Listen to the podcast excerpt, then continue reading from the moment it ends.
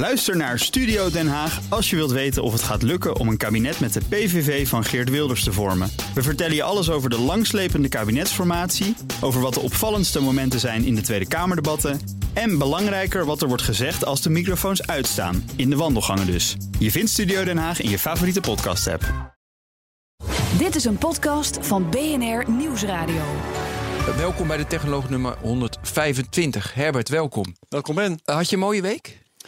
Een mooie, uh, ja, ik heb een geweldige week gehad. Goh. Jeetje, wa- waarom wil je dat weten? dat, dat zouden we toch helemaal niet doen? Nee, dat zouden we niet doen. Nee, nee, zo snel mogelijk naar de, naar de, eh, naar de kern. Eh, we hebben te gast Feitse Krekt. En Feitse die is technical manager Electric Superbike Twente. We gaan het over motorfiets hebben. Elektrische motorfiets hebben. Zo. Ja, en, maar, Geen lawaai maken. Ge- nou, zo nee, ze zingen hard, man. Ze zingen hard. Ja, ja, ze, Ja, ze, zo- ze zoomen wel gek, hè? Dat is waar. Ja, Nee, het is echt een rotherrie. Ja, het is een soort uh, straaljagergeluid eigenlijk. Ja, hè? Ja. Meer. Oké, nog even, even wat, wat achtergrond. Je bent 21 jaar, dat vind ik al mooi. Weet je, we hebben veel te weinig jonge Ja, mensen. al die oude... oude Nou ja, oké. net zoals wij. Eh, 21 jaar, eh, je komt uit Heerenveen. Dat klopt. Ja, mooi. En je hebt geschaatst. Ook heel erg mooi. Maar we zi- zijn nu dus Nou, voor... dat vindt Ben wel leuk. Ja, dat is fantastisch. Oké, inhoud. Hoe kwam je erbij om een elektrische motorfiets te bouwen? Uh, wij zijn uh, namens Electric Superbike Twente een studententeam van de Universiteit Twente. En uh, er zijn er nogal wat. Um, we hebben Solar Team, we hebben Green Team, we hebben Solar Boat, we hebben Robo Team, we hebben dro een drone team. En um, er was eigenlijk op dat moment nog een enkel team wat zich echt met racen bezig hield. We maar de adressen van die andere teams opvragen. Ja, ja precies. Er zitten nog wel een paar afleveringen ja. in. Uh, maar, maar er was eigenlijk geen enkel team wat zich echt met uh, races bezig hield. Maar vooral met uh, duurzaamheidsraces. En, ja, en terecht. Ja, oh ja, zeker terecht. En wij wilden eigenlijk duurzaamheid een imago boost geven... door nou, te laten zien dat je er ook hele spectaculaire races... op volle snelheid mee kunt, kunt rijden. Mhm. Mm -hmm. Dus Duurzaam die... jakkeren. Ja, precies. Dus in die, die hoedanigheid is in uh, 2017 Electric Superbike Twente opgericht. Uh, door Tim Veldhuis en Lars Haarmeijer. En die hebben toen uh, een jaar lang hun stinkende best gedaan om een elektrische motorfiets te bouwen. Uh, dat is degene die we nu ook hebben. En ik ben nu de tweede generatie die een tweede motorfiets aan het bouwen is. Jullie hebben de Bike Lion GP gebouwd. Yes. Mooi. Maar de, dus andere universiteiten hebben ook zeg maar dat soort teams? Ja. En dat is een wereldwijde groep mensen die allemaal universiteitsteams, net zoals met die Solar, die komen dan zoveel, uh, om de zoveel tijd bij elkaar en die gaan dan racen. Ja, bij ons is het nog iets kleiner als bij de, bij de Solar Teams. Die uh, hebben een hele grote competitie in Australië, die al vrij lang bestaat. En bij ons is het eigenlijk iets wat nog uh, een beetje in de kinderschoenen staat en eigenlijk op het punt staat uh, te exploderen. Dus wij zijn nu samen met Delft en de University of Nottingham en een University of Bath en een team uit Duitsland, het Gauss Project, een van de weinigen nog uit Europa. Mm -hmm. uh, je ziet dat er in Amerika ook steeds meer zulke soort teams ontstaan. En eigenlijk hopen we dat dat net zo groot wordt als die, ja, die Solar Challenge. En dat ja. wij op die manier ook grotere races mee kunnen doen. Dus, dus um, in Nederland hebben alleen Delft en Twente zo'n e-bike team? Ja, dat klopt. Ja. En is die van de, de, Delft, hoe lang bestaat die al eigenlijk? Die bestaan al wat langer. Die oh, bestaan die, oh, ja. volgens mij al een jaartje of acht, zeven. Oké, okay. ja, ja, ja. En hoe, en wie, ja, dat is een hele flauwe vraag. Maar wie betaalt dat allemaal? Uh, ons project wordt volledig gefinancierd door partners. Uh, partners vinden sponsors. ons... Ja, sponsors. Ja. ja dus die... IQ, Pack, Robotic, SKF en dat soort partijen, die Unitex zie ik hier, die, die doen dat. Ja, die doen dat. Uh, veel uh, onderdelen van de motorfiets worden in kind geleverd door bedrijven. Uh, wij doen samen met hun het ontwerp of doen zelf het ontwerp en vragen dan: willen jullie dit voor ons produceren? Onder het mom van dan krijgen jullie weer contact met ja. studenten in de techniek die jullie aan kunnen trekken. Precies. Ja. Bedrijven vinden dat, dat ontzettend interessant. Mm -hmm. Want het is anno 2019 ontzettend moeilijk om jong technisch talent te vinden. En op het moment dat zij uh, er direct mee in contact komen door bij zo'n gaaf project betrokken te zijn, dan uh, dat vinden zij dat wel waard om dan die onderdeeltjes te leveren. Ja, dus of die financiële bijdrage. Dus iedereen uit het team die komt wel terecht voor een baan bij een van die partners. Ja, precies. Okay. Dat is ook wat je als. Het ziet. grappig dat je dan meteen ja zegt. Ja, ja maar dat, dat is ook wat. Dat is niet een, een marketingpraatje, dat is ook wat, nee, maar wat de ervaring is, leert. Ja, uh, de, de, de mensen die vorig jaar in het team zaten, die eh, zijn nu ook afstudeeropdrachten aan het doen bij bedrijven waarmee ze die superbike hebben gebouwd. Ja. Dus het is een recruitment tool voor die bedrijven. Ja. Oké, en hebben ze ook nog dat jullie bepaalde ideeën hebben over het maakproces dat ze ook weer meenemen? Is het ook een innovatiehub voor ze of dat speelt Ja. niet mee? Ja, bijvoorbeeld het bedrijf wat eh, dit jaar voor ons de elektromotor maakt. Dat is Die, eh, dat is eh, Technotion. Technotion. Die staat er nog niet tussen. Oh. Eh, Technotion. Ja, ik eh, zit, ik zit nu op de, ja. op, uh, op de partnerlijst. Ja, precies.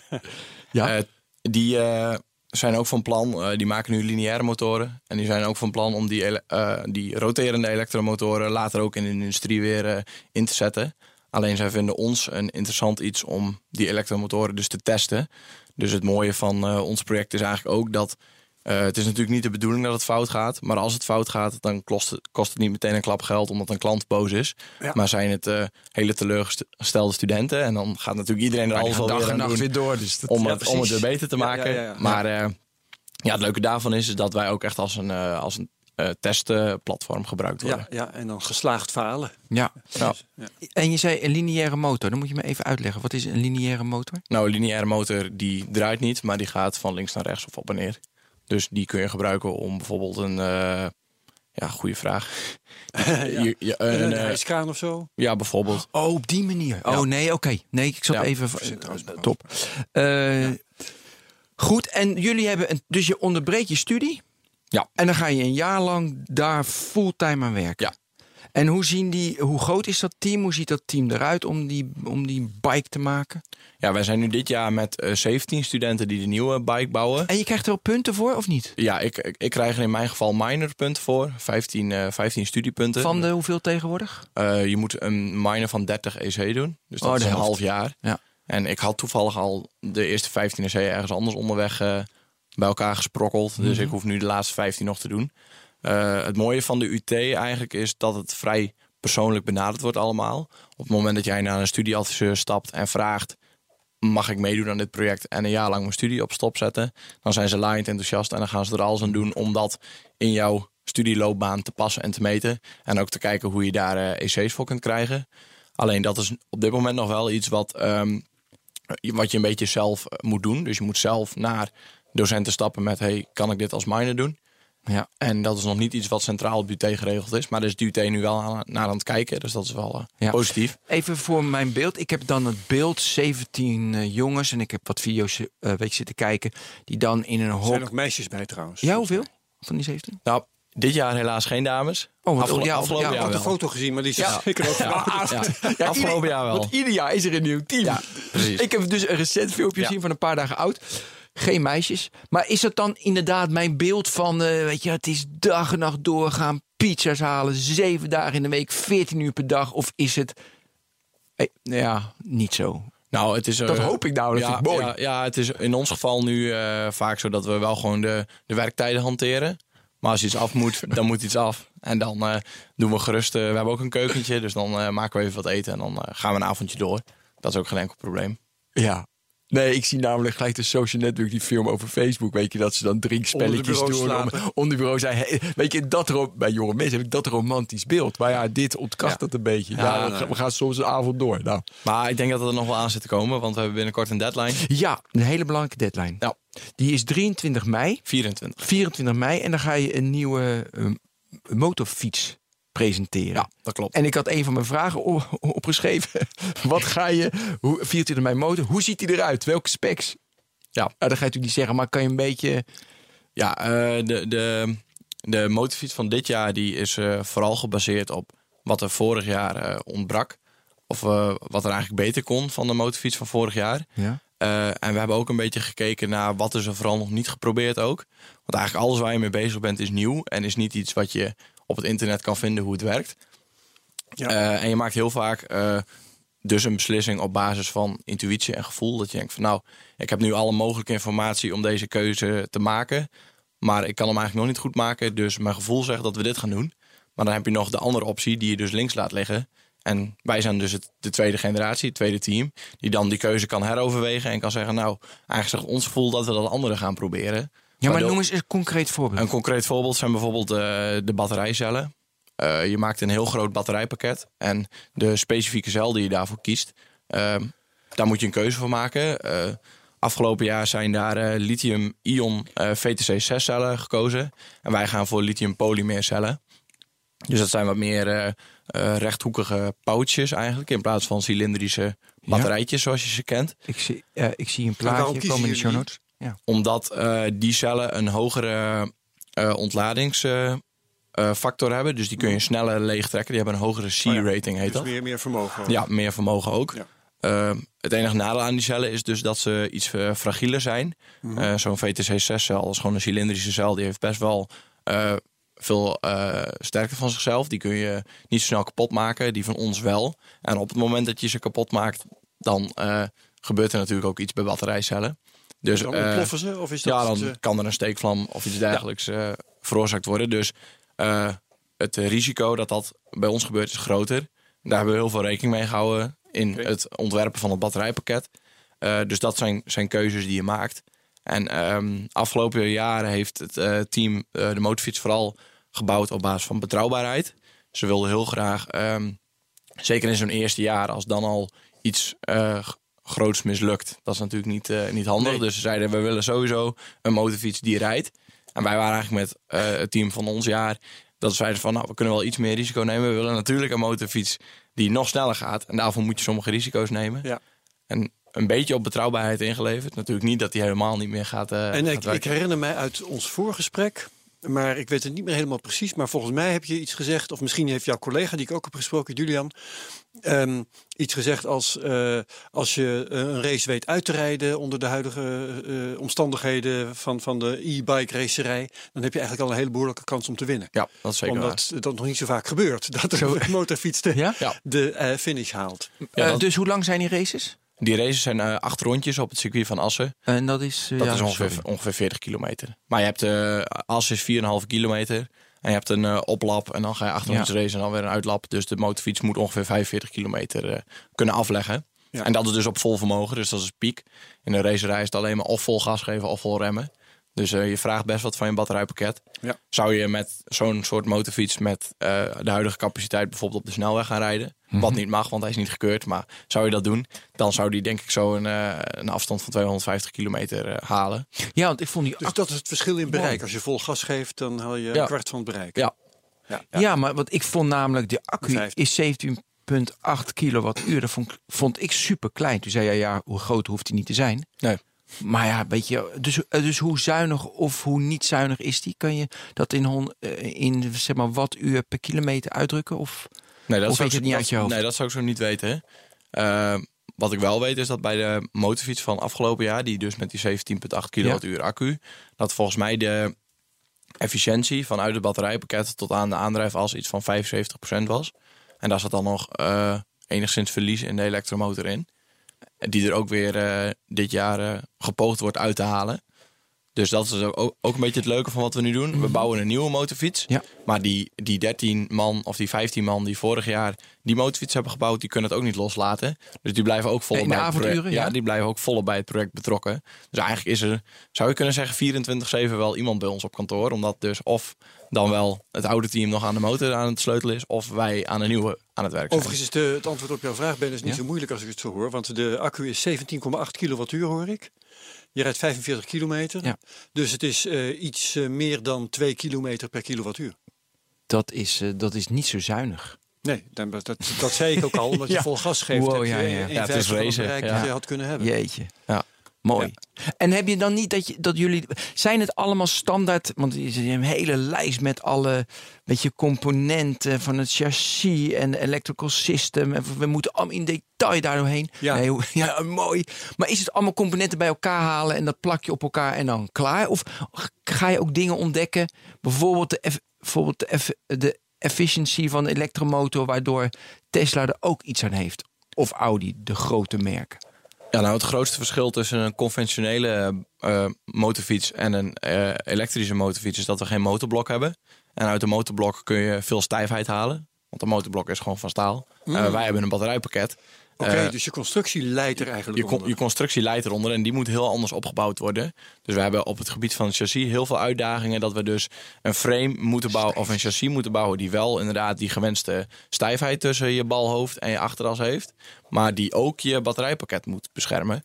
Hoe doe je dat? Dat doe je door een soort eh, kooi om je, om je batterijpakket heen te bouwen. Maar ook de stijfheid. Hoe maak je de stijfheid dan in die motor zonder dat motorblok? Door een stijve frame te nemen dan een normaal motorframe. Oh, maar niet in een bepaalde constructie Nou, je, eh, anders te bouwen. Ja, wij, wij, houden, wij, wij hebben het boek Motorcycle Dynamics een soort van uitgespeeld. En daarin staat precies in welke richting je eh, gewenste stijfheid hebt. En ehm, op basis daarvan hebben we een zelf ontworpen frame. Dus eigenlijk het hele chassis wat we bouwen is volledig zelf ontworpen. En ook met behulp van allemaal eh eh analyse-technieken ja, tot stand gekomen. Ja. Dus het is niet zo dat we gewoon een standaard frame kopen en daar een batterijpakket in hangen. ja. Dat is dan eh, stijfheid. Ehm, gewicht is natuurlijk ook een hele belangrijke factor. Je, Ja. je verliest een motorblok, dat is mooi, dat ben je kwijt. Eh, er komt een accu voor in de plaats. Is dat nou netto meer of minder gewicht eigenlijk? Meer. Meer. Ja, misvaarden. Ja. Oké, dus je krijgt Eh, een zwaar eh, gevaarte dat je ja, op de weg moet Hij is halen. 220 kilo, die oude motor. En die nieuwe wordt 250. Ja, die wordt zelfs zwaarder nog. Maar ik weet niet of dat zwaar is voor een motor. Want ik krijg geen motor. Ja, een eh MotoGP-machine. Dat is natuurlijk wel top of the bill. Alles eh, zo licht dat mogelijk. is echt... Dat is, eh, ja, dat is fantastisch. Ja. vrolijk worden. Ja, ja, ja. Maar nu komt het. Die, Ja, wegen, ja, ja. on- die wegen ongeveer 175 kilo. Dus dat is toch wel een Oh ja. flinke portie lichter. Ja. Ehm, Ja. En waar je natuurlijk ook mee zit bij het bouwen van zo'n motorfiets... is dat eh, bij een auto is natuurlijk het gewicht heel belangrijk. Bij, mijn, bij, bij een motorfiets is de plaatsing van het gewicht ook heel belangrijk. Omdat je natuurlijk op twee wielen rijdt. En Ja. je moet natuurlijk constant eh, van kant wisselen in bochten. En eh noem de Geert Timmerbocht op het circuit van Assen... waarin je de snelle omslag hebt. Op het moment dat je dan een heel zwaar eh, logapparaat tussen je benen hebt... waarbij bijvoorbeeld vooral het zwaartepunt helemaal naar achter ligt... of helemaal naar voren, dan is je onhandelbaar. Dus wij houden ook tijdens het ontwerp heel veel rekening met... waar het massa-zwaartepunt moet komen te liggen. Ja. En zijn op die manier ook componenten aan het inpassen. Ja, van een Tesla weet ik eh, en, en andere elektrische auto's dat het voordelig is dat je die accu erin hebt liggen, want het legt je zwaartepunt lekker, Lekker laag. negen, ja. Ja. Hoe zit dat bij een motorfiets? Eh, nou, we zitten vooral met ruimte natuurlijk, zoals ik al zei. Je hebt eh, beperkte ruimte, want je hebt je twee achterwielen of je twee wielen die je niet te ver uit elkaar wilt hebben. Want een hogere wielbasis betekent eh, meer stabiliteit en minder dynamiek. Eh, dus dat is een eh, constraint, om het zo maar even te noemen. En je moet plat door de bochten kunnen, dus hij mag ook niet te breed. Dus op het moment dat je ruimte zoekt voor je batterijpakket, is dat Moet je eigenlijk naar boven. de hoogte in. Ja, ja, ja, ja. Hey, nog even terugkomen op hoe zuinig die is. Natuurlijk, als je 200 met een 17,7 kilowatt a- uur accu op de snelweg rijdt, wat jij zei, en je haalt 250 kilometer, dat is natuurlijk weer superveel. Dat is super zuinig. Want dan moet natuurlijk een normale auto, weet je, als je een, eh, een i3 hebt met een 42 kilowatt uur accu, die moet echt moeite doen voor, voor 250. Maar een, een, een motorfiets op benzine is ook zuiniger met Ja. benzine dan een Ja. auto. Ja, Het is gewoon een lichter omdat ding. je min en minder eh, weerstand. Minder doorsneden, ja, Ja, precies. ja, oké. Ehm, wat ik nog graag wil weten, want je, eh, we hadden het net over dat eh, elektrische motorfietsen nog niet altijd de finish halen. Als ze dat niet doen, waar ligt dat dan aan? Eh, hebben ze dan gewoon hun accu leeg of eh, faalt er een of andere component? Nee, een de- ander onderdeel? Eh, vaak faalt eh, het battery management systeem, zoals dat heet. Die eh, houdt het hele eh, batterijpakket constant in de gaten. En die stuurt eh, signalen van hoe het batterijpakket zich gedraagt, stuurt hij naar de ECU. En de ECU maakt beslissingen over eh, nou, eh, wel gas geven of niet gas geven. Een E ECU. En de ECU is een, gewoon een eh, electrical... eh, hoe, Control unit eh, misschien? electrical control unit. ja. Eh, of engine control unit ook wel. Kan ook, ja. Eh, en die, dat is eigenlijk het brein van de motorfiets. En is dat specifiek, hebben jullie dat gemaakt? Ja, dat is eh, bij ons ook custom. Dus eh elektrotechnisch is de hele motorfiets, zowel hardware als software, ook zelf ontworpen in Wow. huis. Dus eh, daarom is die van ons ook zo betrouwbaar. Eh, waar anderen dus eh, de printplaten, denk ik, gewoon inkopen Ja. en het installeren en niet weten wat er gaan is, weten wij van elk heel specifiek component op elke printplaat waarom hij geplaatst is en wat hij doet. Ja, dan wil ik straks meer details. Maar Ja. even zo achtergrond. Dus deze week maakte Tesla bekend dat ze de batterij met een nieuwe software-update effectiever kunnen maken. Dan heb je met jezelfde auto 10% meer eh, range. Mhm. ja. Dus dat is dus een beter management. Hoe werkt dat precies? Dus ik, ga, dus ik heb, mijn- eh, dus, dus, dus ik heb mijn accu. Mhm. En van wat afhankelijk, wat moet je dan controleren wat de output is? Eh, we controleren de, de celtemperatuur van elk groepje van vier cellen. Ja. In de komende motorfiets gaan we 660 batterijcellen plaatsen. In de oude zaten er 1440. ja. Ehm, eh, Dus je controleert die temperatuur. en als die te je- hoog je wordt, komt de dat dan? temperatuur en je controleert eh, de uitgaande de, de, de stroom natuurlijk. En je controleert de spanning. Eh, en op basis daarvan kun je dus met formules eh, dingen zeggen over je, over je cellen, hoe ze zich gedragen. Of ze optimaal eh, gedragen of juist niet. Bijvoorbeeld als ze te warm worden, dan hebben we een veiligheid ingebouwd dat dan de ECU zegt van, nou ja, of je nou gas geeft of niet, ik geef geen gas. Want de batterijcellen zijn te warm. Ja. Nou, dat zijn allemaal van die veiligheidsdingetjes. Als je dat niet inbouwt en je gaat wel door, dan kan het zo zijn dat je batterijpakket bijvoorbeeld in de fik vliegt. Maar op, op die manier kun je dus, jij zegt 660 onderdeeltjes van die accu apart besturen. Dat als eh een van die 660 Delen onderdeeltjes van- te warm is, dan zet je die even uit.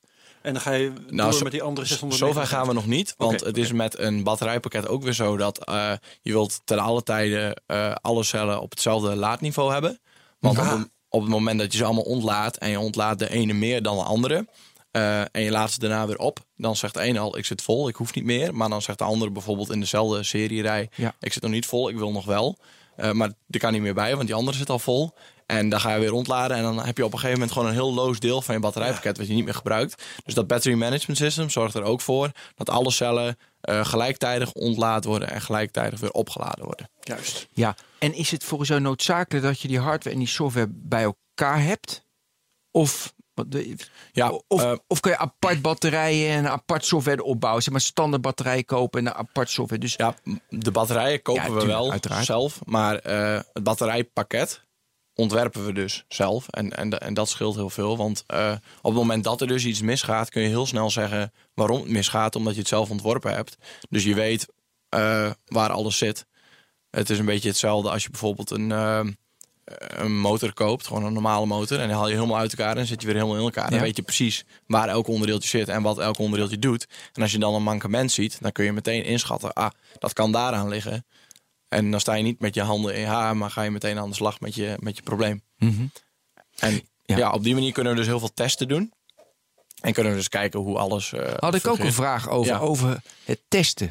Dus maak je alleen maar, dus je staat op de rollerbank, want dat heb ik gezien. Mhm. En op de weg lijkt me duur of kan niet, niet open. eh, Of dat kan niet. nee, maar ik bedoel, Dat op een, eh, nee, ik bedoel, ik, bedoel, ik bedoel op de weg op een racebaan. Oké, ja. zeg maar die Nou, Circuit. Het mooie van het Circuit. circuit. is dat het circuit eh, soms dagen heeft waarop eh, niemand mag rijden. Vanwege geluid en vanwege uitlaatgassen. Hebben wij allebei niet. dus op het moment dat het circuit zo'n dag heeft en eh, wij plegen een belletje met eh, mogen we testen. Dan eh, wordt dat. Maar is ook Wel eens duur toegestaan. met de banden. Maar jullie Ja, kunnen precies. dus relatief veel Nou, het, op een nog weer een voordeel. We krijgen, onze banden krijgen ook veel minder op hun, op hun donder. Want bij een normale verbrandingsmotor motor moet je natuurlijk schakelen. En elke keer als je opschakelt, dan komt de ketting even los en weer op spanning. Dus dan krijgt die band elke keer een, een tik te verduren. Man, wat leer ik een hoop vandaag. Wat leuk. Ja, en wij hebben natuurlijk gewoon direct drive. Dus wij, hebben, eh, wij hoeven niet te schakelen. Ja. Ja, Dus onze banden krijgen veel minder. Maar wat, wat ik intussen ook hoor, want we hadden het net over dat geluid en dat die eh, e-bikes toch behoorlijk janken. Maar in decibels gemeten, zeg je nou in feite, is het toch zoveel minder dat het voor het circuit telt alsof ze geen lawaai maken. Ja, dat klopt. Ja. Ja, oké, interessant. Eh, nog even, want die nieuwe motor gaat 325 km per uur en van 0 naar 100 in 2,8. Is dat snel? Dat is wel snel, ja. Nee, maar in vergelijking met een GP eh Ja, die- superbike-achtig. Die hebben ook een soort ongeveer. gelijk, eh, Oké, dus dat is niet veel. Ja, maar veel sneller kan een mens toch Nee, niet. Dus als je daartussen zou gaan rijden, dan zou het niet eens erg opvallen. Nou, het grappige was van vorig jaar, eh, de competitie eh, was, is dus nog groeiende. Dus er zijn nog niet zo heel veel elektrische machines eh, die overal vandaan en naartoe komen. Eh, om het veld toch interessant te maken, rijden we tussen verbrandingsmotoren. En Oh. vorig jaar hebben we dus met de Lion GP tussen verbrandingsmotoren gereden. Ja, En dan in Engeland, hè? Ja, in Ja. Engeland. En dan, dat is ook een heel leuk filmpje van te zien, dat we dan op eh, P13 starten. En dan, voordat de eerste bocht begint, op P3 liggen. Puur door het eerste rechte stuk eh, vanaf start finish. Ja. Dus de acceleratie is veel sneller. Ja. Mooi. Dat is, dat is, En derde ook werden, hè? Ja, toen, nou, toen zijn we dus eh, e- eerste geworden. ja, eerste worden, binnen de, eh, ja, elektrisch binnen de en derde overal. Weet je waar tweede dit mij aan overal, doet denken? Nou, dit doet me denken aan de Blade Runner. Oscar Ja. Pistorius, die trouwens nou in de gevangenis zit, maar dat gaan we is een niet ander verhaal. oprakelen. Maar de, de man dus zonder benen, die eh, rende, rent op de, de- van die blades. Want hoe zat het daar ook weer mee? Een veer. Eh, ja, veer. Maar die ging dan, eh, want hij heeft ooit mogen meedoen aan de Olympische Spelen. Ja. Een eigenaardigheid bij hem was dat hij ju- juist minder snel eh, kon optrekken, om het maar zo Ja. te noemen. En met zijn blades had hij heel veel veerkracht. En dan kon hij, als hij eenmaal vaart had, dan liep hij harder dan iedereen. Ja. Dus op de 400 meter dan raakte hij eerst achter en daarna haalde hij iedereen in. En dan Dus het soms dan won hij nog. Ja. Ja, ja. Ja, hij dus is, het is eh, het voor mij omgekeerde wat goud, nu. Ja. dus je hebt andere karakteristieken. Andere Wat, karakteristieken. wat het betreft eh, optrekken en kruissnelheid, eh, weet ik veel. Ja. Hey, nog even, ik wil nog, dan gaan we even terug. Maar je hebt dus je hebt een boek, dat is een bijbel voor de motorboek, want dat zei je net. Ja, ja motor. mo- Motorcycle Dynamics. En dus al die universiteiten, die, dat is de basis. En aan de hand van dat boek bouw je dus een motor op je eigen manier na. En probeer je, zeg je nou, wat dat in dat boek staat, dat klopt niet. Dat kan volgens mij beter en dat pas je dan aan. Nou, het, ja, ehm, wat vooral zo is, is er natuurlijk heel veel innovatie geweest in de, in de racesport. En eh, dat die MotoGP-machines, dat zijn natuurlijk eh brute beesten. En die kunnen ontzettend snel. En er is een reden voor. Die hebben natuurlijk allemaal karakteristieken. Eh, die wij dus zo goed mogelijk proberen na te bouwen. En dat we zeggen van nou, daar kunnen we heel veel onderzoek naar gaan doen. Om te kijken hoe dat beter kan. Maar we kunnen ook eh, de racesport geloven dat dat de beste manier is. Want op die manier gaan ze heel snel. En eigenlijk die karakteristieken te gebruiken als blauwdruk van wat wij bouwen. En zo goed mogelijk dus een Ja. snelle motorfiets nabouwen met dus hele andere onderdelen. Ja. En hele andere technieken. Eh, wat, ja, dat is een hele flauwe vraag. Maar een beetje omdat het natuurlijk heel ontwikkeling is. En, maar wa- wa- wat is het totale budget van zo'n jaar racen? Eh, dat vind ik een hele goede vraag. Ja, dat weet je niet. je nee, krijgt heel veel in-kind. Ja. We krijgen heel Ja, veel in-kind. En eh, we stoppen er natuurlijk ook ontzettend veel uren in. Ja, ja Van, dus precies van, 17 van, man. van dat- jonge engineers. Ja. Eh, dat allemaal niet meerekenend. ongeveer 100.000 euro aan onderdelen. En dat is dan Ja. een, een ruwe schatting. Maar dat kan ook zomaar eens veel meer zijn. Ja, tuurlijk. Want eh, ja, maar dat moest ik deze denken. Top. Ja. En ik wil nog weten, een technische vraag. Heeft een e-bike eh, terugwinning van remenergie, zoals een eh, elektrische auto dat heeft? Eh, op dit moment eh, nog niet. Mhm. En daar zijn we wel eh, flink, hebben onze hoofden flink over gebroken. Ja. Ehm, op het moment dat een motorfiets afremt, dan eh, dus heb ik een heel leuk filmpje van, maar dat kan ik natuurlijk niet laten zien tijdens een podcast. Nee. Maar eh, zie je dat een motorfiets vooral eh, afremt op zijn voorrem en op zijn voorwiel. Mhm. Het achterwiel komt soms in de MotoGP zelfs wel gewoon los van de grond. Ja, maar is ook met wielrennen zo. Zo, ja, je ja. remt voornamelijk met Ja, je voor. je remt voornamelijk voor. Ehm, en op dit moment is je aandrijving, je, je elektromotor, bij ons eh, nog met een ketting verbonden aan het wiel, Ja. aan het achterwiel. Ja. Maar het achterwiel heeft geen wrijving meer met de grond, omdat je voornamelijk voorremt. Dus daar valt vrij weinig energie uit te winnen. Hoe je dat op zou kunnen lossen, eh, is een inwielmotor.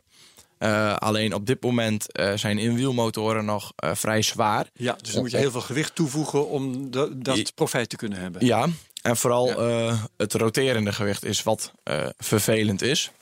Want op het moment dat jij bijvoorbeeld een yo-yo hebt en je bent aan het yo-yoen en je doet je touwtje opzij, dan gaat je yo-yo nog steeds op en neer. Dat is gewoon eh massa traagheid en zeker eh, inertia, roterend eh, gewicht wel altijd rechtdoor. Dus op het moment dat jij eh, heel veel roterend gewicht in je voorwiel hebt en je wilt een bocht om, dan zegt jouw wiel natuurlijk, ik wil rechtdoor. niet, Ja. ja. Dus moet je heel veel stuurkracht eh, leveren om die motorfiets de bocht door te krijgen. Moet Ja. de coureur heel hard werken. Hij voelt het eigenlijk alsof de motor hem tegenwerkt. En gaat hij, zal hij overal niet sneller gaan. Hoewel hij misschien wel dus meer energie terugwint. Eh, je een lichtere accu eh, mee kunt nemen, omdat je dus die energie terugwint. Precies. En op dat gebied weer gewicht bespaart. Maar eh rijdynamica van de motorfiets is dus ook Ja. echt iets wat... Dat is dus een hele ingewikkelde ja. afwe- afweging van Ja. kosten en baten. ja, Waar jullie steeds mee bezig zijn. Leuk, interessant. Ja. Ja. Eh, hoe, zit, eh, hoe staat zo'n motorfiets ten opzichte van BMW? Volgens mij een elektrische motor en eh, Honda zal het ook wel hebben, weet ik veel. Maar, dus hoe zit het in vergelijking met ehm, Commerciële ja, commerciële motoren? Hoe kan die vergelijking elektrische maken? motoren. Eh, qua prestaties eh, kunnen die nog niet tippen aan wat wij maken. Eh, omdat veel... eh, Willen ze waarschijnlijk ook niet, want het zijn commerciële motorfietsen. Precies, het zijn Ja. gewoon motorfietsen voor op straat. Ja. En die vaak... eh, je ziet nu dat er heel veel echt voor in de stad worden ontwikkeld. Dus eh, hele lichte accu's, laag vermogen, eh, lage range. Eh, dus het is eigenlijk, ik zou zeggen, een hele andere tak van sport. Maar we kunnen wel van ze leren. En we vinden het vooral leuk om te zien dat die elektrificatie optreedt. Mhm. Maar ik, ik zou ze niet zo snel 1, 2, 3 goed met Nee, elkaar kunnen ze- vergelijken. Nee, maar ze altijd zeggen, Formule 1, weet je, dat is de voorloper, de innovatie voor uiteindelijk een auto op de weg. Ja. En dat zat ik te denken. Ja, nou, ik denk dat dat bij ons, eh, zoals ik al zei, die elektromotor die wij eh, nu gaan testen, die gaat uiteindelijk ook de industrie in als het goed is. Eh, dat zijn wel voorbeelden van eh, nou, innovaties die, die doorcijpelen naar, Ja. naar de rest. Iets wat ook ontzettend gaaf is, waar we nu mee bezig zijn, is een eh metaal 3D-printe koelschil.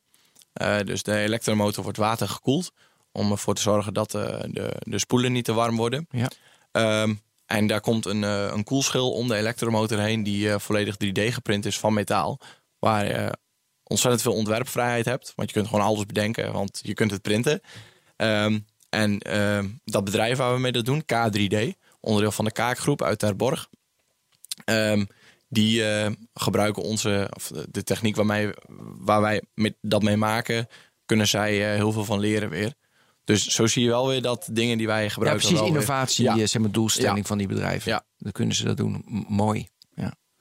Ik wil eh, eh, vroeg of laat in deze podcast graag hebben over de, de regels van het eh, elektrisch motorracen. Ben, zijn we daaraan toe? Wat Ja, we zijn, zitten op een half uur. Ik zeg nu de regels erin. Precies. Want ik, ik heb wel eens dingen gelezen over elektronisch Formule E. De Formule E heet dat, hè? Dan heb je Ja. dus elektrische auto's. Daar, ik weet niet of jij dat weet, Ben, maar daar, daar rijden ze dus rond met twee auto's.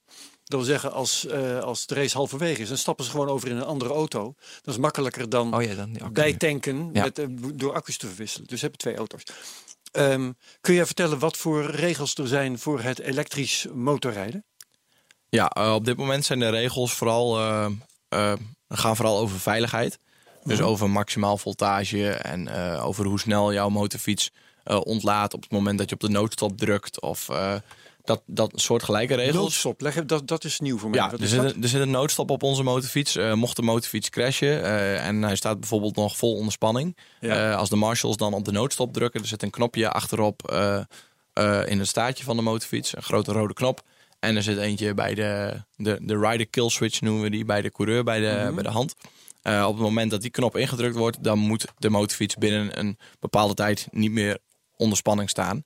Zodat de marshals veilig de motorfiets op kunnen, Kunnen pakken. pakken, Ja, ja, ja. Dat En is dus net zoiets als ehm, eh, nou ja, de, de beveiliging van de benzinetank bij een auto. Want je hebt Precies. gewoon een grote bom van energie heb je aan boord. Ja. En die moet je op een of andere manier beveiligen. Ja. En dat gaat met eh, elektra gaat dat gewoon iets anders Ja, dan met op het moment dat je op de noodstop drukt, dan gaan de relais open en dan is het hoogvoltagesysteem niet meer verbonden en dan moet dat ontladen. Ja.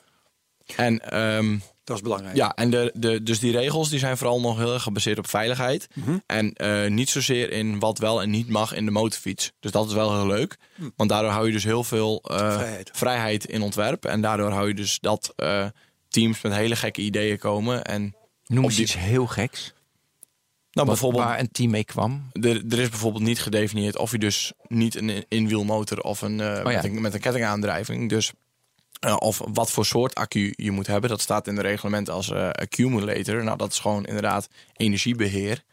Dus Een ding waar energie in zit. Ja. Ja. Ja, En je mag gewoon onbeperkt vermogen, mag je gewoon net zo weten als je wil. Ja.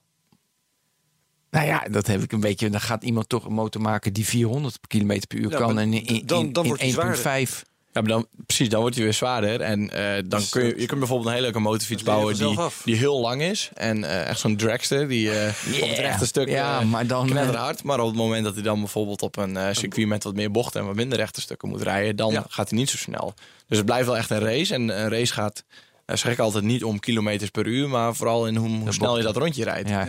Maar zijn er dan wel teams, zitten jullie allemaal in hetzelfde frame te denken? Want dat boek hebben jullie allemaal, ook die andere universiteitsteams hebben dat boek en ze bouwen het na en met een paar modificaties. Of zijn er ook mensen die way off raar in ontwerp komen? Vraag is eigenlijk, lijken alle elektrische motorfietsen ja, op elkaar.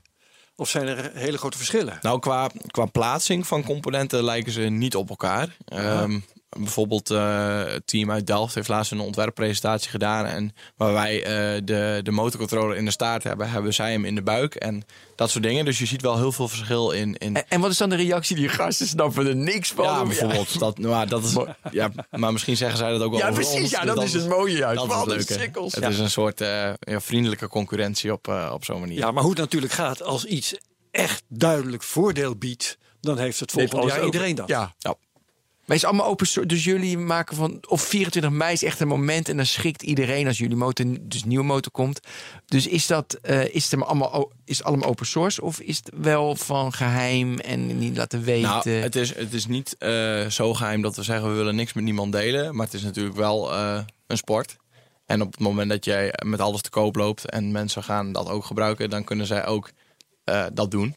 Zoals Dus- de dus- ouderwetse gedachte. Ja, ja maar ehm, wij, wij vinden het vooral eh, binnen ons eigen netwerk. Wat ik ook zei, met, met die partners Ja, ga- tuurlijk. is alles, is alles open source. Ja. En eh, alles wat daar met die partners bedacht wordt, Ja. dat mogen ze ook ten alle tijde gebruiken. Daar gaan we absoluut niet zeggen, hé, hey, dat is van ons. Dus dat is ontzettend mooi. Ehm, maar ja, richting de andere teams toe is dat natuurlijk nog Ja. wel een beetje... eh, Hey, en over de regels, ehm, ik vergelijk het weer even met Formule 1 racing. I- iedereen weet, nou, je hebt de races daar, nou, Monte Carlo en Dubai en noem al die plaatsen maar op. Ik ken ze niet uit mijn hoofd, maar allerlei plaatsen. Zijn dan races en dan eh, kun je punten halen, wel of niet in de punten rijden, weet je wel, wel of niet op het podium komen. En aan het eind van het jaar Champagne. precies champagne spuiten. En aan het eind van het jaar staat ook in de regels hè, dat je elkaar moet nat spuiten. Anders ben je af. Eh, aan, aan het eind van het jaar staat er iemand bovenaan. En die heeft dan gewonnen en is kampioen. Hoe gaat dat bij jullie?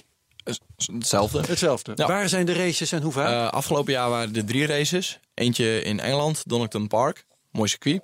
Eentje in Wales, eh, Anglesey eh, eh, Racing Track. En eentje op het circuit van Assen. En die werden dan eh, gehost tijdens andere races. Dus bijvoorbeeld in Assen hadden we de OW Cup, de Open Weg Race Cup. Dat is gewoon een Nederlandse semi-professionele racecompetitie. En daar reden we tussen. En naar binnen hadden we dan onze eigen competitie. En op het moment dat je dus inderdaad eerste wordt, krijg je meer punten dan wanneer je tweede wordt. En zo kun je dus races winnen, maar uiteindelijk ook de competitie winnen. En dat hebben we vorig jaar gedaan. Gefeliciteerd. Maar jullie coureur is Eh, ook. goed gedaan, ge- kampioen geworden. Ja, Dus, eh, wat, eh, hoe heet het dan? Europees kampioen, wereldkampioen? Ja, Europees wereld, kampioen. nee, maakt er wereld van. Nee, maar goed, maar in wereld doen ze verder niks. Dus gewoon wereldkampioen. Ja, gaaf. Gaaf. gaaf. Eh, knap, mooi. Eh, maar jullie coureur is ook een student. Eh, nou, vorig jaar was onze coureur toevallig een student, maar hij was wel ook echt coureur. Maar ook een van die 17. Nee, hij was gewoon echt coureur en hij studeerde toevallig, dus hij was ook student. Maar ook, maar je haalt wel gewoon Je de wel- beste ja, coureur ja. van de wereld. Die, Ja. die huur je in. Ja. En die, eh, Nou ja, kun je, kun je de beste coureur van de wereld betalen? Hoe- eh, Even Nou, hoe dat gaat? ehm, de beste coureur, dat is natuurlijk eh, lastig. Want wel dan, die dan, wil je, 100.000 dan, euro komen, dan- dan wil dan je, ben je die tonnen kwijt. ja, dan wil je Marc Marquez of eh, Valentino Rossi op je motorfiets Ja, hebben. maar, Rossi eh, wil je hebben. Ja. Ja, ja. Zover gaan we nog niet. Nee. Maar ehm, als je vooral ziet wat, wat een beetje voor ons ook binnen het bereik ligt, zijn het natuurlijk Nederlandse jongens die eh, snel met zijn motorfiets om kunnen gaan.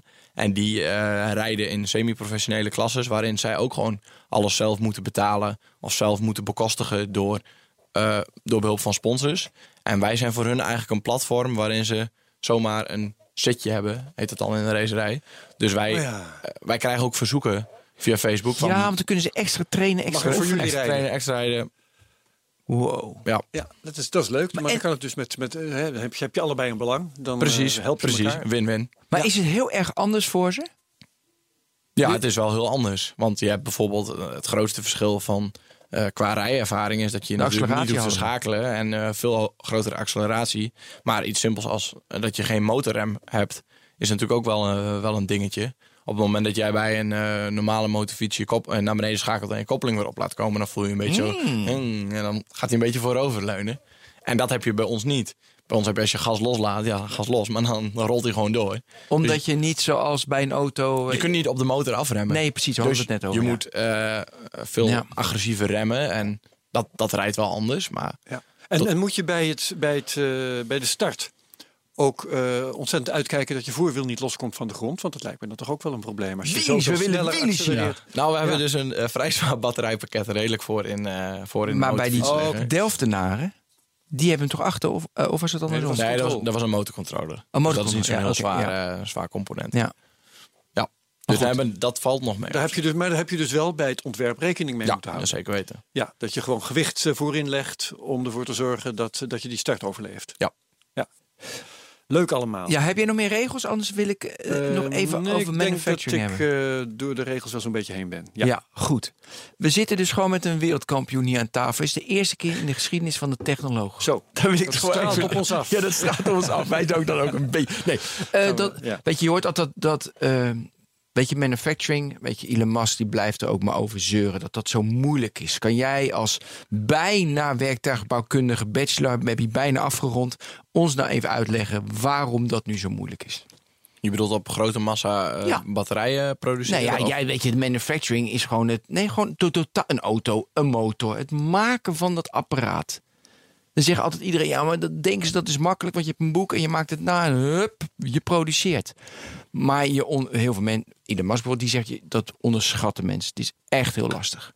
Ja, wat, wat voor ons het lastigste is, dat op het moment dat we iets ontworpen hebben. En eh, je hebt het op je computertje voor je en je, je ziet het daar allemaal. En het klopt natuurlijk allemaal perfect. Het sluit naadloos op elkaar aan op de computer. En eh, je begint, eh, als je er niet te veel voor oppast, begin je natuurlijk in te zoomen. En dan ziet de millimeter er ineens Heel graag, uit als 5 centimeter. Dus je wil alles passend maken. En op het moment dat het dan allemaal binnenkomt, dan moet het ook passend zijn. En natuurlijk eh, kunnen alle machines die er op dit moment zijn, met een bepaalde tolerantie eh, werken. En eh, hoe duurder de machine en hoe duurder het component, hoe hoger de tolerantie. Ehm, en de grootste uitdaging is dus als je iets ontworpen hebt, om als je het dan in elkaar wilt zetten, dat alle puzzelstukjes precies zo passen als Ja. je het ontworpen hebt. En je wilt niet zoals bij een legpuzzel even doordrukken. En dat een hoekje misschien een beetje buigt. Want het zijn natuurlijk allemaal stuk voor stuk high-tech componenten. Dus op het moment dat je daar even wat gaat doordrukken, dan eh, ja, maak je de boel Dus het eh, probleem is, is dus inderdaad dat het net, weet je, op de, eh, op de tekening is goed, maar het past altijd net niet. Want je krijgt het anders aangeleverd en dan is het een puzzel. En daarom lukt dat dus niet. Ja. Ja, dat... Ja, maar vooral ook omdat wat wij doen is natuurlijk niet voor massaproductie eh, ontwerpen. Als je voor massaproductie ontwerpt, dan hou je daar veel meer rekening mee. En onze ja, componenten de marges zijn... zijn dan groter. Ja, en dan, dan, kies je natuurlijk ook niet voor elke component iets, eh, iets heel duurs. Maar dan ga je voor, als je voor massa produceert... Gewoon dan- standaard, ja, precies. Ja. Oké, mooi. Wat ik graag wil weten nog, dat is hoe snel groeit het eh, elektrisch motorracen? In deelnemers, toeschouwersaantallen, geld dat er in omloop is. Eh, kun je wat, wat eh, cijfers noemen wat dat betreft? Eh, cijfers vind ik lastig. Ehm, maar eh, wat wel aantoont dat elektrisch race heel erg groeit, is dat eh, de, de FIM, de Internationale Motorsportbond, dit jaar voor het eerst ook een elektrische klasse naast de MotoGP en de Moto2 en de Moto3 heeft. Dus waar je voorheen zag dat de Formule E ineens ontstond, Ja. ontstaat er nu ook een Moto E Ja. naast de MotoGP en de Moto2 en, dat, en de Moto3. Dus dat geeft toch wel aan dat er aandacht voor is en dat mensen het, het gaaf vinden. Ja. Er is wel veel weerstand vanuit de, vanuit de motorsportwereld. Mensen zeggen het moet, eh, het moet eh, veel lawaai maken en je moet Precies. benzine ruiken, et cetera.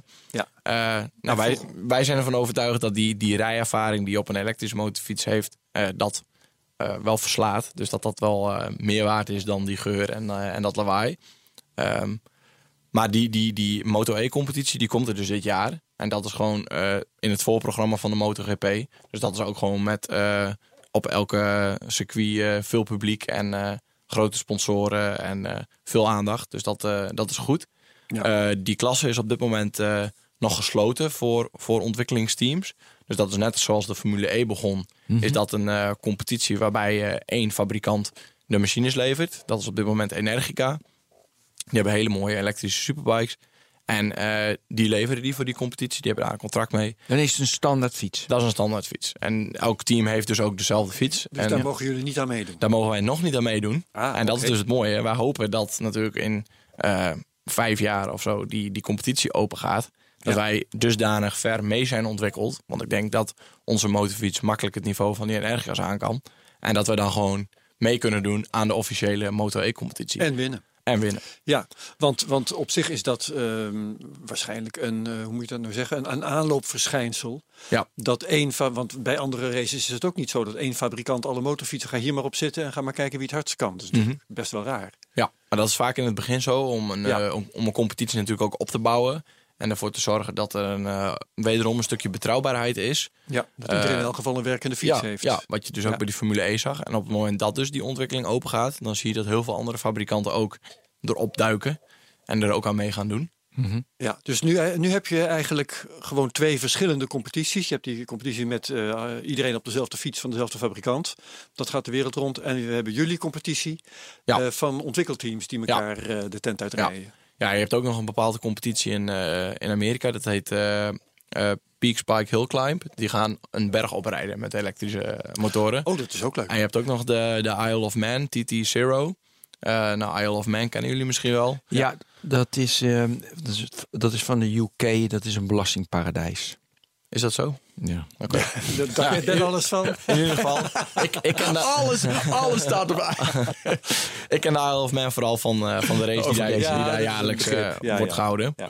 En eh, ja, sommige mensen noemen dat een soort death race. Want eh, je gaat met 300 per uur eh, door de straten van dorpen. En, Oh, dat is een straat- het, is, een- het is een wegrace, ja. Oeh, ja, ja. En daar doen ook eh, elektrische motoren aan mee. Maar wij zeggen van, Ja. we blijven gewoon veilig op het circuit. Ja, ja. Ehm, maar eh, kijk, wat, wat auto's betreft, denkt bijna iedereen volgens mij dat vroeg of laat eh, er alleen nog maar elektrische auto's op straat rondrijden.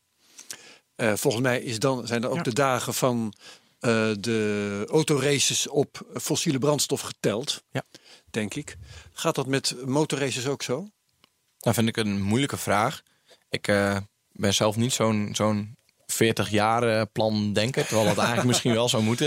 Je wil gewoon Maar- lekker sleutelen. Eh, ja, soort van wel. Maar eh, eh, ik vind dat lastig. Je ziet gewoon dat de mensen die een motorfiets rijden... per definitie meer houden van fossiele brandstof op een... En van op lawaai en En van lawaai. Dus, Ja, ja, ja. dus dat is een sentiment wat eh, ja, in, in verloop van tijd gewoon doorbroken moet worden. En wat lang gaat duren, denk ik. Ehm, ik ben nu zelf bijvoorbeeld bezig met mijn, met mijn motorrijbewijs. Ja. En ik eh, heb zelf ook een motor gekocht, maar dat is gewoon een normale motorfiets. En ook alle andere jongens binnen ons team die. en dat vind je eh, ook best wel heel leuk waarschijnlijk. ja, dat vind je ik ook, dat, ja, dat vind ik ook fantastisch.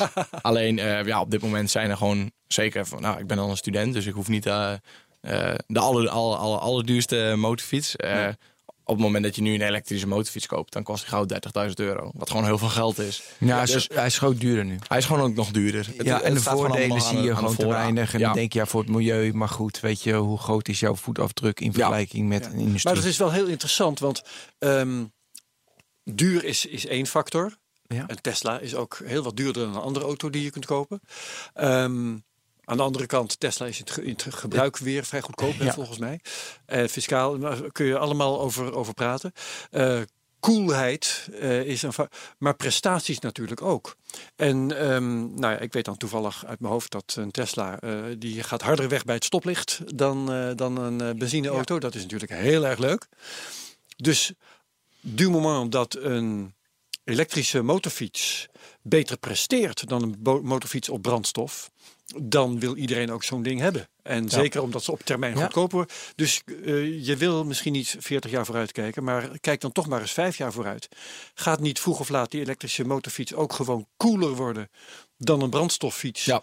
Omdat die sneller accelereert, goedkoper wordt en noem maar al die andere factoren maar op. Ja, en dat is ook eigenlijk wat, wat, wat onze hoofdmissie eigenlijk is. Ja. Vooral laten zien dat dat elektrisch vervoer niet alleen duurzaam is, maar ook heel gaaf. Want Ja. De eh, elektrisch vervoer heeft gewoon een imago-boost nodig. Om dus inderdaad, ja, wat, Ja. wat u zegt, eh, het moet koeler worden. En dat doen wij eigenlijk Maar. Herbert, het is niet alleen dat je zegt van, eh, weet je, accelereren, want al die motoren die gaan al belachelijk hard. Weet je, ik kijk dan van die hele slechte filmpjes wel eens dat ze met 285 op de links en rechts inhalen op de Duitse snelweg. Dat is vreselijk, En ja. ook op de periferiek in Parijs, weet je, dat ze wereldrecordpogingen op de periferiek en dan valt er iemand en dan vinden ze 100 meter verderop gewoon een hoofd. Het is echt walgelijk die dingen. Maar goed, dus die qua prestaties, oké, het gaat, want dan zie je ook bij een e- elektrische auto, dat rijdt gewoon lekkerder. Gewoon, het accelereert lekker, het ligt lekkerder op de weg, het is geluidsloos. Weet je, je zit lekkerder in een Tesla dan in een BMW 5-serie. Dat is gewoon feit. Je zet 100 mensen neer, al die eh, mensen zeggen nee, dat is niet zo. Zet maar 100 mensen, zeggen allemaal een Tesla rijdt lekkerder dan een goede 5-serie. Dus is het ook met, is, dus is het ook met een elektrische motor zo.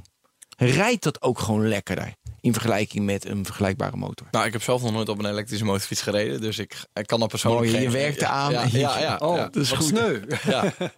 Ehm, maar eh, van de coureurs die wij nu gehoord hebben, die erop hebben gezeten, die zeggen toch wel, nou die ervaring doet absoluut zeker niet onder voor. Niet onder, maar ze niet zeggen onder. niet, ja. Maar het is ook een beetje wat je gewend bent. wat het is je ook, verwacht. precies, het is ook wat je gewend ja. bent. En eh, ja, jongens in de motorsport, die zijn toch vaak nog wel echt van het geluid en, en de geur van benzine en olie. En dat hebben we allemaal niet. Maar ik vind zelf dat we wel heel veel compenseren voor dus inderdaad die acceleratie en die... Ja, ja oké. Nou ja, Ja. dat is natuurlijk een, eh, dat is maar een vraag. Ja. En jij zei over, eh, zeg maar, duurder. Eh, zeg maar, Elon Musk zegt, als jij, als jij nu een, een auto koopt op brandstof, dan koop je dus een paard uit begin 20e eeuw. Ja, ja, ja, ja. En als je nu een elektrische auto koopt, die wordt straks geüpdate zodat die zelf rijdt. En dan kan je hem gewoon, eh, zeg maar, eh, eh, dus verhuren. Want er rijden andere mensen ermee. Daar dus het is de dus beste in. Nee, ik ook niet. Maar goed, ja. hij vertelt heel veel. Elon Musk natuurlijk Ja. allemaal uit, niet, wat niet uitkomt. Maar qua gedachte vond ik wel leuk. Je koopt een paard of je koopt iets wat meer wordt gebruikt. En daardoor... Dat, dat volg ik trouwens wel hoor, inderdaad. De, de, ehm, dat, zoals Jeroen Horlings, hè, de Ja. auteur van het boek over, die is hier ook geweest over elektrisch rijden. Die, die heeft het eh, over fossiele auto's. Dat Ja. vind ik wel heel leuk. Het is net of je het over dinosaurussen ja, hebt. precies, ja. En die dinosaurussen, ja, daar gaan we op een keer vanaf. Dat geloof ik ook wel. Ehm, en, en dat de elektrische auto uiteindelijk per saldo in het gebruik, eh, alle cost of ownership meegerekend, goedkoper is, Ja. geloof ik ook. En als het nu niet zo is, dan is het binnenkort wel zover, dat geloof ik ook. Alleen dat eh, slapend geld verdienen door jouw auto op eigen houtje te laten rondrijden, dat is voor mij net een stap te ver. Nou ja, hij had eh, dus die presentatie waarbij zijn robotauto. Nou, prima. Ja. Ja, ja dus dan, dan is het wel goedkoper. Ja. En welke, eh, welke elementen in de motor om nu te maken zijn echt het allerlastigste en waar heb jij gewoon een intellectuele uitdaging waar jullie niet uitkomen en daar zijn zitten de pijnpunten. Eh, voor dit moment is een onderdeel die we nog zelf inkopen de motorcontroller. Die eh, zet de gelijkstroom van het batterijpakket om in drie fasen wisselstroom voor de elektromotor. En eh, daar vindt nog wel wat vermogensverlies plaats. Die motorcontrollers zelf kunnen op dit moment ook nog niet een onbeperkt aantal kilowatts aan. Tenzij je weer een hele dure variant koopt. En het zou voor ons in de toekomst wel heel mooi zijn als we een paar knappe EE-koppen bij eh, electrical engineers eh, bij elkaar zetten die eh, zo'n motorcontroller in huis ontwerpen. Zodat we dan ook echt daadwerkelijk alles in huis hebben. Hoeveel procent raak je kwijt in die controller? Het, gaat, nou, het is niet per se procent, maar het is gewoon een limiterende factor. Dus wij, eh, je wilt natuurlijk in je motorfiets dat er geen limiterende factor is. Het is een beetje een cliché, maar het is zo sterk als de zwakste schakel. Ja. En je bent aan het ontwerpen op je zwakste schakel. Want als je, je kunt wel 300 kilowatt uit je, uit je elektromotor krijgen, maar als je motorcontroller maar 150 kilowatt aan kan, dan, dan werkt dat niet. Dus ehm, ja, de motorcontroller is een soort van beperkende factor op dit moment. En het zou heel mooi zijn als we daar onze hoofden over kunnen breken. Eh, tijd is ook altijd wel echt een, eh, een limiterende factor. We zijn natuurlijk een, een team van een jaar. En een jaar is heel kort. Ja. Want in Ja. een jaar moet je niet alleen die motorfiets eh, ontwerpen, maar je moet hem ook bouwen. Je moet er ook mee testen en je moet er ook mee racen. Dus wij hebben eigenlijk een, een soort ehm, een planning van drie maanden ontwerp, drie maanden bouwen, drie maanden testen en dan racen. Nou, we zitten nu bijna aan het einde van die drie maanden bouwen. Maar eigenlijk zijn we stiekem af en toe ook nog wel eens een beetje aan het ontwerpen. Van oeh, dit moet Ja, eigenlijk nog beter. tuurlijk. En dat is, dat is wel eh, ook iets wat in de structuur van zo'n team... om ontwikkeling echt eh, te kunnen stimuleren... moet je eigenlijk wat langer nemen.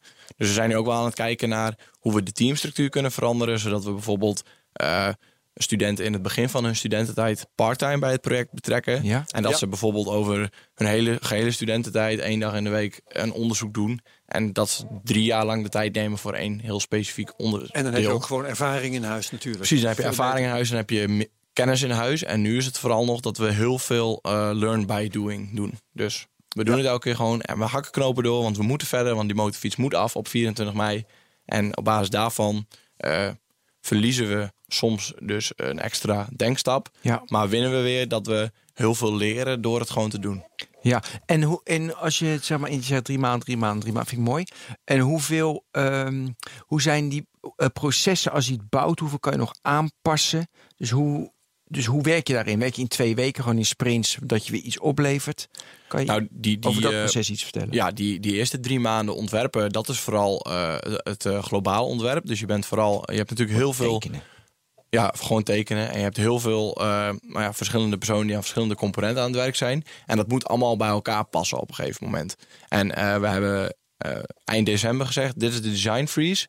Alle black boxes van Ja. de componenten staan nu vast. Dus op het moment dat jij intern iets in je component wilt veranderen, dan mag dat. Maar dan mag het op geen enkele manier invloed, Invloed hebben op iets anders. op iets anders. Ja. En vooral qua ruimte natuurlijk. Eh, toen het af was, kan je dan dat model simuleren hoe die al rijdt? Of is dit nu echt een Nee, fantasie? nee, dat is ook een fantasie. Dat, dat zou wel heel mooi zijn. Het is ook iets wat we misschien eh, willen doen. Dus, maar er zijn wel heel veel. eh, we gebruiken wel simulatiesoftware om dus te kijken wat de rij-eigenschappen zijn.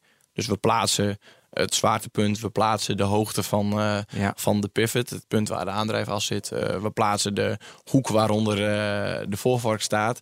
En op dat moment komt er dan wel iets uitrollen van, van je rijdynamica in combinatie met je veerafstelling. Maar het is wel weer learn by doing, dus testen, daar leren we toch het meest van. Ja. En heb je dat ontwerpfase en, en, en dan is het gewoon bouwen? Ja. De, de, de, dus nu. En ik zag ook gewoon lassen, want dat frame en alles bij elkaar. Oké, en dan eh 24 mei is het zover. Ja, vier, ehm, nog, nog even snel, want, Ja, want kan. jij zegt lassen. Gebruiken jullie eh, alleen maar staal en eh, dat soort eh, materialen? Of, want, want ik had ook heel erg zitten denken aan koolstofvezel en dat soort zaken. Ja, koolstofvezel is vooral nog heel duur. En dan zitten Oh ja. we toch ook wel weer een beetje budget eh, gelimiteerd soms. Oh ja. Eh, maar we, we, we zouden het heel mooi vinden als er komend jaar eens een keer een team is. Want het leuke is natuurlijk eh, in september weer hopelijk 20 nieuwe frisse jongens die weer aan de slag gaan. is belangrijk hè, recruit zo goed. Ja, daar zijn we heel, heel druk mee bezig. Ja, dus, zorg eh, dat er vrouwen bij zitten. Ja, dat ook. Ehm, maar die kunnen we natuurlijk altijd een weg insturen. En we hebben nu twee jaar op rij gewoon een stalen frame gemaakt. Eh, dan kunnen we gewoon zeggen, nou, probeer alsjeblieft iets anders. En, Ja, Aluminium zou ook nog kunnen. Ja, Ik weet niet of dat Maar zo- aluminium eh, is niet per se veel beter dan staal. Het heeft, eh, als je eh, een lichtgewicht eh, stalen frame hebt en je maakt een lichtgewicht aluminium frame, zullen ze allebei even, even zwaar zijn met dezelfde stijfheid. Alleen aluminium heeft wat meer ruimte nodig. Omdat dat je, is weer een nadeel. ja, je hebt gewoon meer aluminium nodig, maar aluminium is lichter. Dus kom je net op het gewicht weer op hetzelfde uit. Maar heb je qua ruimte weer een grote frame. En dan heb je weer dat je dus bijvoorbeeld minder batterijen kunt gebruiken, omdat je frame breder is. Ja, ja. Hey, en, z- en, eh, en er zijn zoveel zeg maar, software developers in het team, zoveel eh, zeg maar, eh, zeg maar, werktuigbouwkundigen. Ja. Dat is gewoon opgedeeld. Ja, we hebben dus een, een, een managementteam van een aantal man. Die doen, die doen evenementen, die doen marketing, die doen dat ja, soort ja, dingen. ja, moet ook we hebben een chassis-team. Die eh, bouwen het volledige chassis. Eh, dus dat En dat zijn? Dat zijn werktuigbouwers. Ja. En we hebben een eh, powertrain team, zoals we dat zo mooi noemen. En dat zijn alle elektrotechneuten. Ja, en dat dus is- het grootste deel van ons team is elektrotechniek en werktuigbouwkunde. En die managementjongens eh, die komen van, van bedrijfskunde of iets dergelijks. Nou, ik ben bijvoorbeeld nu technisch manager. En ik studeer ook gewoon werktuigbouwkunde. Oké, Dus ik ben een beetje de combinatie ertussen. Maar ja, leuk. Mooi. Eh, nog iets anders, Herbert? Ik denk eh, dat ik uitgevraagd ben. Ja, hebben ze eh, Ontzettend we veel geleerd. Ja, dit was weer, dit was weer iets heel anders. Ehm, nou, dan gaan we ophangen met z'n allen. Ik bedank uh, Feitse Krekt. Hij is technical manager at Electric Superbike Twente. En ik bedank Herbert Blankenstein. Ben van Burg, ieder niet. Ja, tot de volgende technoloog.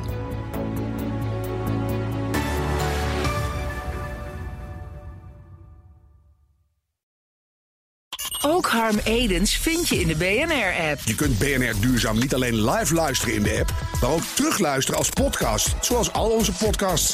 En naast dat de BNR-app Breaking News meldt, houden we je ook op de hoogte van het laatste zakelijke nieuws. Download nu de gratis BNR-app en blijf scherp.